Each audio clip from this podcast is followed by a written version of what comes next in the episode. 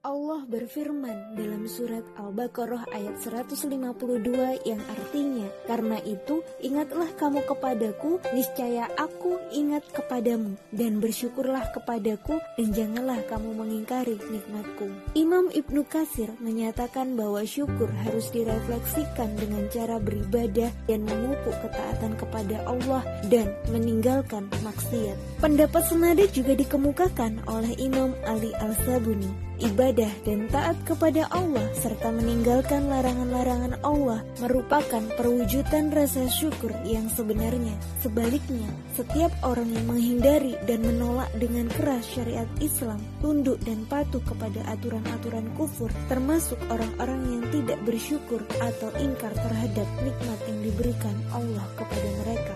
Yuk cek diri kita, yakin kita sudah bersyukur?